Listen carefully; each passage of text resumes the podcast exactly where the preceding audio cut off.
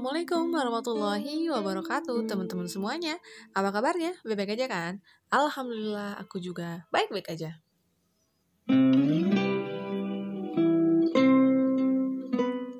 Jadi podcast yang ini aku pengen ngomongin masalah privilege teman-teman Privilege sebuah perlakuan khusus, perlakuan istimewa uh, pada kondisi tertentu yang didapatkan seseorang karena punya faktor X ya kan uh, apa pun itu bentuknya gitu gak sih kurang lebihnya ya jadi um, kalau boleh aku sambungin ya teman-teman, menurut aku kebanyakan orang ngomong privilege ini untuk disandingkan dengan yang namanya kesuksesan. Bener gak sih? Kenapa sih orang-orang ngomongin uh, privilege karena ngelihat seseorang yang sukses, dan lain sebagainya. Di mana sukses yang ada saat ini sebenarnya merupakan sebuah konstruksi sosial yang dibangun oleh masyarakat. Jadi kalau misalnya kita tanya sama orang nih, uh, apa itu sukses? Mungkin kebanyakan akan jawab itu dia mungkin kaya, rumahnya besar, mobilnya banyak dan lain sebagainya, punya pekerjaan yang dimimpikan dari kecil misalnya atau seperti itu, juga punya misalnya karir yang bagus dan lain sebagainya ya nggak sih setelah aku melakukan beberapa searching memang privilege itu mengarah ke situ teman-teman. Ke sukses dan masalah ya duniawi. Nah terus gimana nih kalau dari sudut pandang yang lain perspektif yang lain mengenai privilege tadi? Ceritanya nih dari makna Islamnya ya kan jadi, jadi teman-teman, kalau misalnya boleh dikasih poin ya, aku pengen ngomong sekitar kurang lebih 5 sampai 6 poin teman-teman. So bear with me, insya Allah ini akan bermakna dan mudah-mudahan ada manfaatnya buat teman-teman ya dan buat yang feeling insecure karena ngelihat banyak post tentang privilege dan juga apa yang dibahas di Instagram dan lain sebagainya, mungkin ini bisa jadi sedikit mengademkan ya kan, ya hati kita teman-teman. So, yang pertama, kalau dari aku sarannya adalah don't be trapped, teman-teman. Jangan sampai terjebak. Wah, terjebak apaan nih? Gini, teman-teman. Kita tuh kebanyakan terjebak sama yang namanya life cycle. Perputaran kehidupan yang sebenarnya cepat atau lambat pasti akan kita alami. Which mean misalnya ya, dari kecil tumbuh dewasa, sekolah, kemudian setelah sekolah kita kerja, punya anak, misalnya nikah, terus punya anak dan lain sebagainya. Sebenarnya itu tuh adalah sebuah cycle yang insya Allah ya, insya Allah akan kita semua alami cepat atau lambat. Itu tuh sebenarnya um, apa ya? termasuk tadi di dalamnya kita sekolah pengen di sekolah yang kita inginkan kemudian kuliah kemudian kerja dan lain sebagainya kalau kita kejarannya itu hanya mengikuti cycle kehidupan itu aku jamin teman-teman tuh akan merugi. Karena itu adalah sebuah cycle yang insya Allah terjadi. Kalau misalnya pun ada orang yang tidak misalnya nggak kuliah dan sebagainya ya Allah punya cerita yang lain ya teman-teman. But kenapa kok kebanyakan orang stuck di cycle yang itu yang sebenarnya pasti gitu ya? Abis kuliah dia nyari kerja abis kerja dia nyari jodoh dan sebagainya. Karena mungkin di otak sebagian besar orang yang melakukan itu tanpa melihat aspek yang lain itu tuh adalah hal yang akan membuat mereka bahagia. Padahal seperti yang kita tahu, di kondisi apa pun, ya kan, mau kamu sekaya apa pun, mau kamu seterkenal apa pun, kalau Allahnya missing, kalau Allahnya nggak ada, kita nggak bakalan pernah yang namanya bahagia. Kebukti nggak sih kira-kira? Coba kan kita lihat, are so many people in this world yang udah terbukti um, secara duniawi ya sukses. Let's say aku suka dengerin Ariana Grande dan Ariana Grande ini dia punya panic disorder. Ya nggak dia kadang uh, depresi juga gitu. Bahkan sampai ngeluarin lagu yang namanya breathe gitu kan. Kayak bernafas just keep breathing and breathing gitu kan kayak saking dia udahlah yang penting gue bernaf uh, apa ya tarik nafas lah gitu kan saking mungkin dia merasa kondisi hidup dia itu kok mm, stressful dan lain sebagainya. Which mean kalau yang kita lihat dari luar oh my god Ariana Grande gitu loh. Apa sih yang dia nggak punya? Ya kan cantik. Kemudian fansnya banyak banget gitu kan. Dia adalah perempuan kalau nggak salah Instagram followersnya paling banyak nih.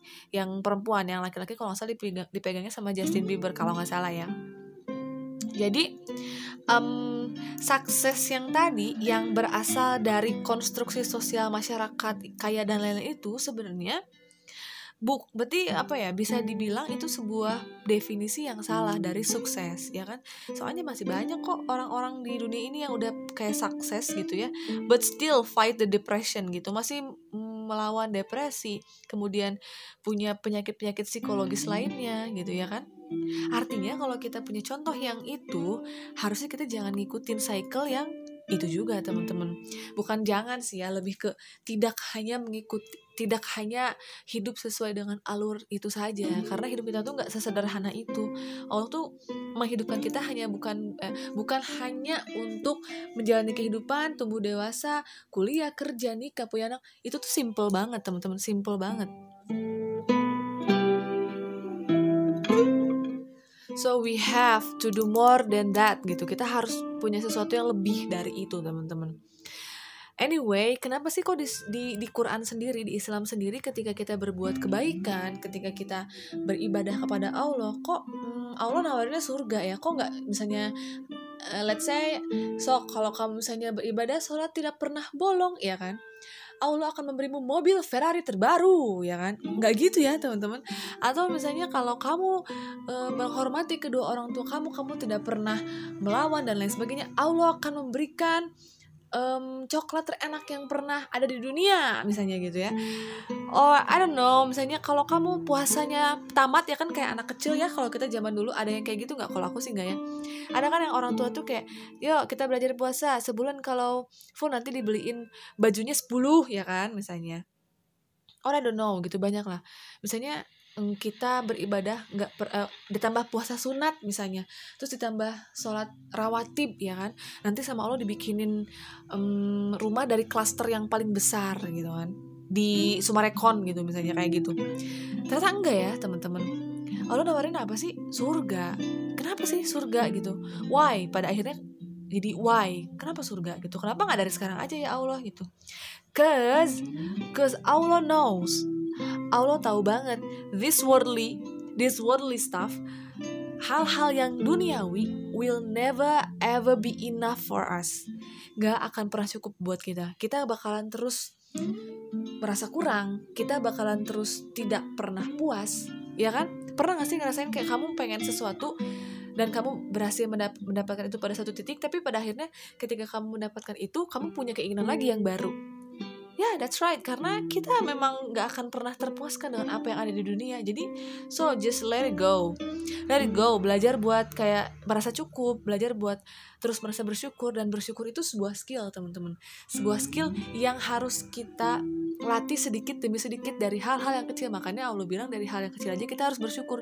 Biar apa? Biar nanti kalau Allah kasih yang besar, kita juga bisa tetap bersyukur. Bukan malah futur. Gitu loh, teman-teman. Yang terakhir dari poin pertama, teman-teman, ada cerita dari Rasulullah Shallallahu Alaihi Wasallam. Waktu itu beliau Shallallahu Alaihi Wasallam lagi duduk sama malaikat Jibril, kemudian datang malaikat yang lain.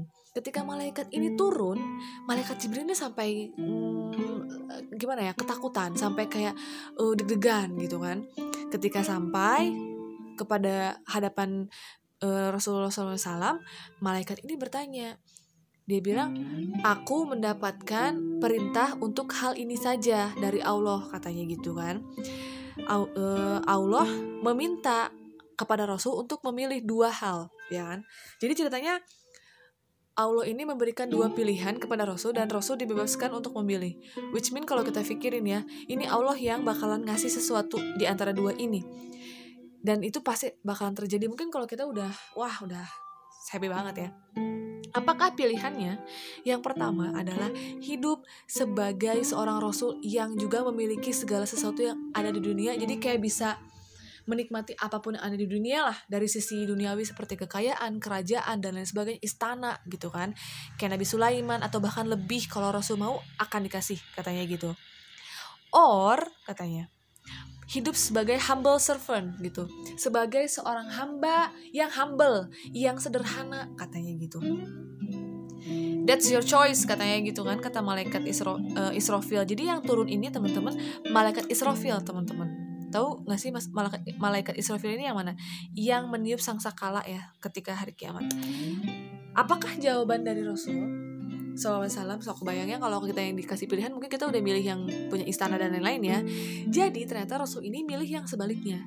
Dia ingin hidup sebagai hamba yang sederhana sebagai seorang Rasul yang hidup dengan sederhana. Which mean kalau misalnya kita uh, mengikuti sejarah Rasul kita tahu Rasul itu at nggak bisa nggak punya apa-apa. Mungkin dulunya pernah kaya tapi habis semua uangnya untuk perjuangan Islam saat itu kan teman-teman.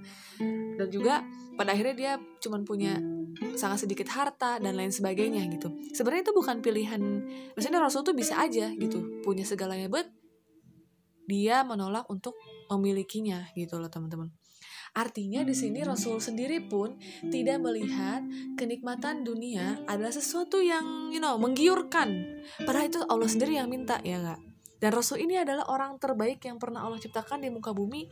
Aja nggak tergiur dengan itu. Who, who us gitu. Siapa kita gitu. Kok harusnya kalau kita memang benar-benar uh, apa ya mengikuti Rasul dan lain sebagainya, ya itu bukan sebuah pilihan eh, apa ya, bukan sebuah sesuatu yang harusnya bisa menggemingkan hati kita juga teman-teman. Kita sama-sama belajar buat nggak takluk ya sama dunia. Gitu teman-teman. Kenapa kok ketika udah pergi gitu ya si uh, Rasulullah SAW ini bertanya kepada malaikat Jibril kok kenapa takut banget waktu datang? Gitu kan. Ternyata kata malaikat Jibril kita tuh kan punya tugas katanya. Ya jadi aku pikir ketika malaikat Israfil turun itu dunia itu udah bere udah beres udah bakalan kiamat gitu. Karena tugasnya dia kan niup sangsakala. Ternyata dia punya urusan yang lain. Berarti betapa pentingnya urusan ini juga di hadapan Allah Subhanahu Wa Taala. But ternyata Rasul luar biasa memilihnya yang untuk sederhana teman-teman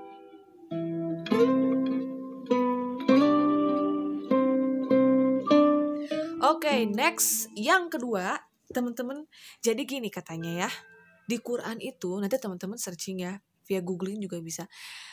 Kekayaan itu bukan sebuah anugerah, ya kan? Kemiskinan juga bukan sebuah hinaan. Karena keduanya adalah bentuk ujian.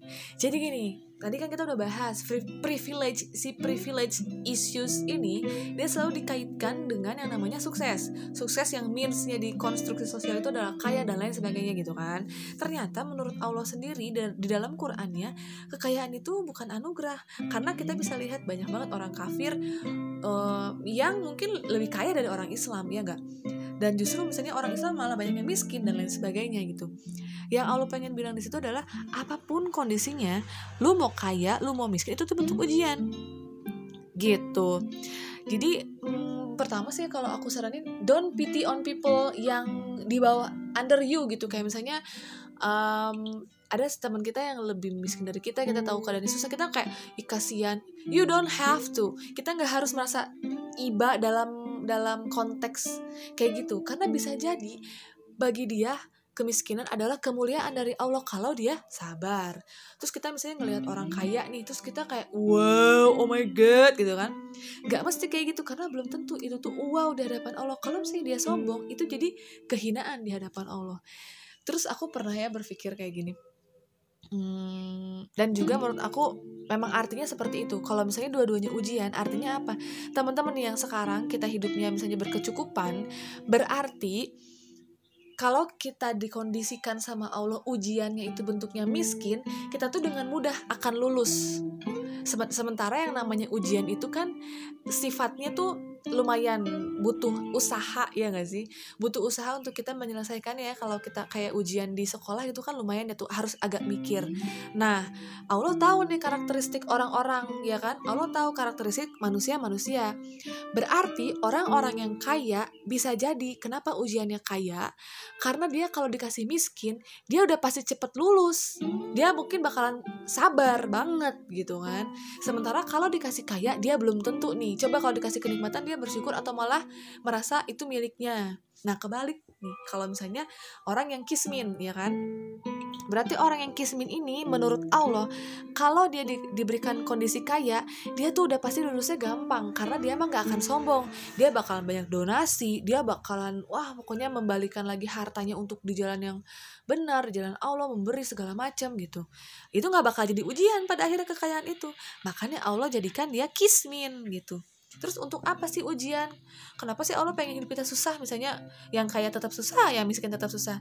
Ya that's because ya kan Allah pengen memberi kita nilai. Gimana kita punya nilai kalau kita nggak ikut ujian? Gimana kita bisa lulus sekolah kalau kita nggak nggak ikut ujian sekolah? Ya nggak? Jadi nilai itu butuh teman-teman. Dari mana? Dari ujian. Gitu teman-teman. Nah ceritanya ini dari Usman. Mungkin teman-teman udah sering dengar ya. Jadi um, Rasulullah SAW itu bilang kalau misalnya orang yang kaya itu cenderung akan dihisap lebih lama ketika nanti di akhirat karena Allah sudah ngasih kenikmatan dan itu adalah sebuah titipan di mana akan diperhitungkan segala sesuatunya. Waktu mendengar itu Utsman bin Affan tuh ketakutan karena dia orang kaya guys ya kan? Orang kaya terus dia tuh waduh ini gimana? Aku nggak mau nih dihisap dihisapnya kelamaan. Aku pengen cepet-cepet masuk surga gitu kan katanya. Akhirnya Utsman bin Affan membuat uh, sebuah lahan kurma yang dia miliki ya.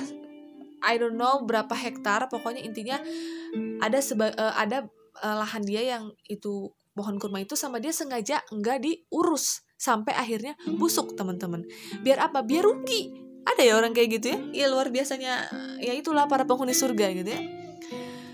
Sampai dia akhirnya busuk teman-teman. Ketika busuk dia happy kan? Yes gue rugi men. Berarti kekayaan gue berkurang gitu kan? Jadi ada orang yang pengen miskin teman-teman kalau zaman rasul.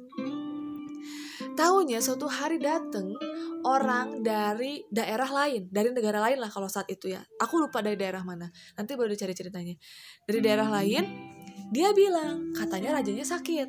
Nah menurut tabib di sana katanya si penyakit ini ada obatnya dari kurma yang busuk teman-teman. Jadi dia itu ceritanya nyari kurma yang busuk. Ya Allah itu akhirnya tuh kurma yang tadinya sengaja buat dibuang dia jual. Dan kata orang yang dari sana itu dia berani bayar kurma busuk itu dua kali lipat dari harga kurma yang bagus karena itu buat obat rajanya. Dan akhirnya Usman bukannya rugi malah untung dua kali lipat teman-teman sebenarnya kondisi kita kaya atau miskin itu tergantung kita tuh niatnya tuh buat apa teman-teman. Kalau misalnya niatnya itu untuk ujung-ujungnya ke Allah lagi, Allah mah pasti nambahin mau bentuknya gimana juga. Apalagi Allah tahu hati kita. Ini mah dia kalau dikasih kaya juga nggak bakalan sombong misalnya. Dia bakalan gini, bakalan gini. Ya udah Allah kasih terus. Seperti yang kita tahu ya sampai sekarang tuh kekayaan Usman itu masih ada. Bahkan di bank Arabnya juga ada rekening atas nama Usman karena Usman pernah mendonasikan sumur yang sampai sekarang masih mengalir teman-teman. Masya Allah.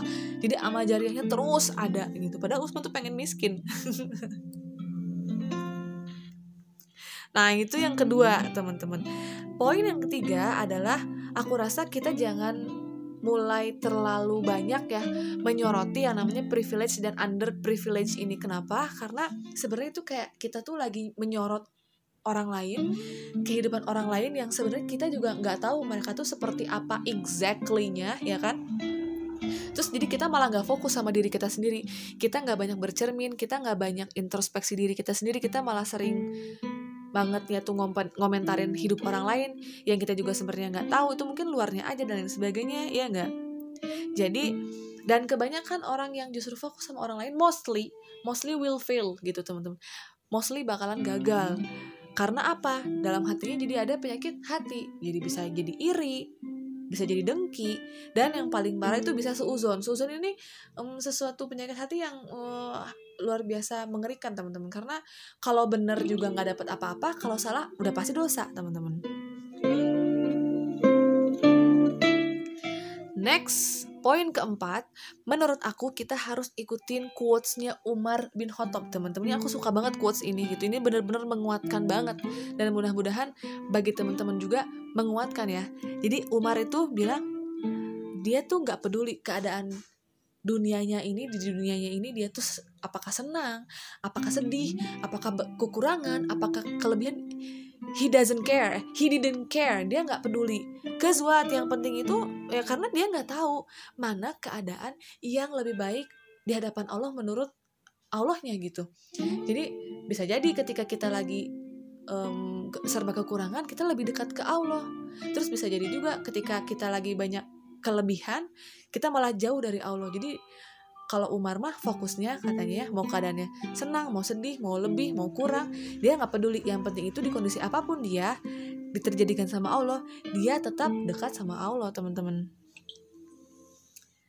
Dan yang kelima teman-teman kita belajar buat apa ya ketika kita tidak mengindahkan masalah privilege dan underprivilege or whatever it is ya kan kita belajar untuk free from anything gitu kita belajar untuk membebaskan diri dari apa pun karena kadang-kadang sesuatu yang seperti itu tuh berhubungan juga dengan kita tuh takut dinilai orang seperti apa, kita takut omongan orang seperti apa. Who cares omongan orang? Mereka bukan judge. The only judge yang kita butuhkan adalah Allah gitu. Allah yang menilai kita dan Allah yang juga akan memberi ya balasannya mereka juga kalau ngomong mereka emang mau ngasih apa sama kita gitu kan. Paling komentar doang kan. Jadi lepaskan gitu. Let it go. Free itu kayak let it go anything yang bikin kamu insecure dan lain sebagainya dari omongan orang dari um, apa ya konstruksi sosial yang itu semua tuh dalam perjalanan waktu dan juga ke depan pasti terus akan berubah dan dinamis teman-teman. Jadi kita juga harus dinamis aja kalau masalah dunia slow aja teman-teman. Karena Islam juga ya itulah dari penghambaan kita ke kepada Allah. Berla ilaha illallah itu adalah melepaskan diri kita dari hal-hal yang justru bikin kita tuh insecure dan hanya fokus sama Allah aja teman-teman. Dan yang terakhir ya udah yang terakhir nih. Wah itu lama banget aku udah udah us buset udah 20 menit lewat. Ini yang terakhir teman-teman. Ini aku mau cerita sedikit pengalaman aku ya. Aku juga pernah ada di kondisi um, merasa tidak dihargai dan lain sebagainya gitu ya. Yang membuat aku kayak hmm, ngerasa ya dah aku mah apa tuh? Mereka mah siapa? Ya itu kan privilege itu kayak gitu kan. Kita ngelihat orang yang dapat privilege bikin diri kita kayak ngerasa under privilege dan lain sebagainya gitu kan. Padahal kita juga misalnya Allah kasih potensi-potensi dan lain sebagainya, tapi kita lupa bersyukur dan sampai akhirnya kita berpikir, aku kok nggak dihargai? Misalnya gitu ya kalau dari cerita aku. Kemudian ada seseorang bilang kayak gini sama aku, ketika aku bilang, gila gue gak ngerasa dihargai. Ya, it's okay kalau kamu gak dihargai, cause kamu cuman manusia gitu. In the end of the day, we are all human being that kita tuh punya banyak kekurangan. Kita tuh kalaupun Allah nggak kasih apa pun kita tuh nggak akan punya apa-apa nggak akan punya apa-apa. We are nothing gitu. We are nothing without Allah gitu. Bahkan kalau Allah nggak hidupkan apakah kita ada di sini? Nggak juga. Berarti apa nggak masalah kalau misalnya kita tuh hmm, misalnya ya dari sekarang nih lagi ada di kondisi yang merasa hmm, tertindas pokoknya yang seperti seperti itulah perasaan-perasaan seperti kita harus mulai bikin oh iya ya dah aku mah emang emang aku mah apa sih? Ya udah sih nggak apa-apa gue mah kalau nggak dihargai so dah emang aku mah bukan apa-apa gitu. Jadi ketika ada apa sih kayak viral aku mah butiran debu gitu that's right mungkin kita tuh lebih kecil dari butiran debu teman-teman and that's super fine dan itu tuh adalah exactly yang harus kita merasakan dalam diri kita. Kita jangan punya pride walaupun sekecil apa pun. Karena pride itu adalah bi, uh, apa? biji ya, biji dan sumber dari kesombongan teman-teman. Kita tuh memang nggak punya apa-apa. Kalau misalnya Allah yang dikecilkan oleh orang lain Islam yang dikecilkan oleh orang orang lain kita boleh ngambek ya kan? Tapi kalau diri kita yang dikecilkan oleh orang lain diri kita yang di dalam tanda kutip diinjak-injak sama orang ya udah sih gitu. Belajar sabar dah emang aku mau apa atau kalau Allah nggak hidupin juga aku mau nggak hidup bahkan nggak ada yang tahu aku pun siapa. Gitu kan teman-teman aku juga benar-benar lagi belajar waktu aku dibilang kayak gitu aku tertampar banget. Satu tertampar dan yang kedua membuat hati aku jadi lebih adem. Karena oh iya juga ya, ya emang aku mah apa sih ya? Lah bayalah aku digini-gini yang penting mah Allah yang bukan Allah yang tetap sayang sama aku. Orang lain boleh nggak nggak respect sama aku? Siapa pun boleh nggak respect sama aku. Karena Rasul Shallallahu Alaihi Wasallam sendiri pun pernah nggak direspek bahkan bukan sama satu dua orang ya sama satu kaum teman-teman. Rasulnya pernah dan dia don't care. Kes yang penting Allah aja yang happy sama kita. Ya nggak teman-teman? Cause when we have Allah we have everything. Ya gak nah gitu teman-teman. Jadi itu kalau dari aku um, poin-poin komentar aku mengenai isu privilege dan underprivilege yang juga aku kaitin dari perspektif Islam. Mudah-mudahan bermanfaat ya teman-teman. Dan juga jangan lupa di-share sama teman-teman yang lain yang mungkin akan butuh kebermanfaatan dari talk hari ini. Dan sampai ketemu lagi di podcast selanjutnya. Kalau misalnya teman-teman punya ide tentang sesuatu yang mau dibahas, boleh DM di Instagram aku ya. Assalamualaikum warahmatullahi wabarakatuh.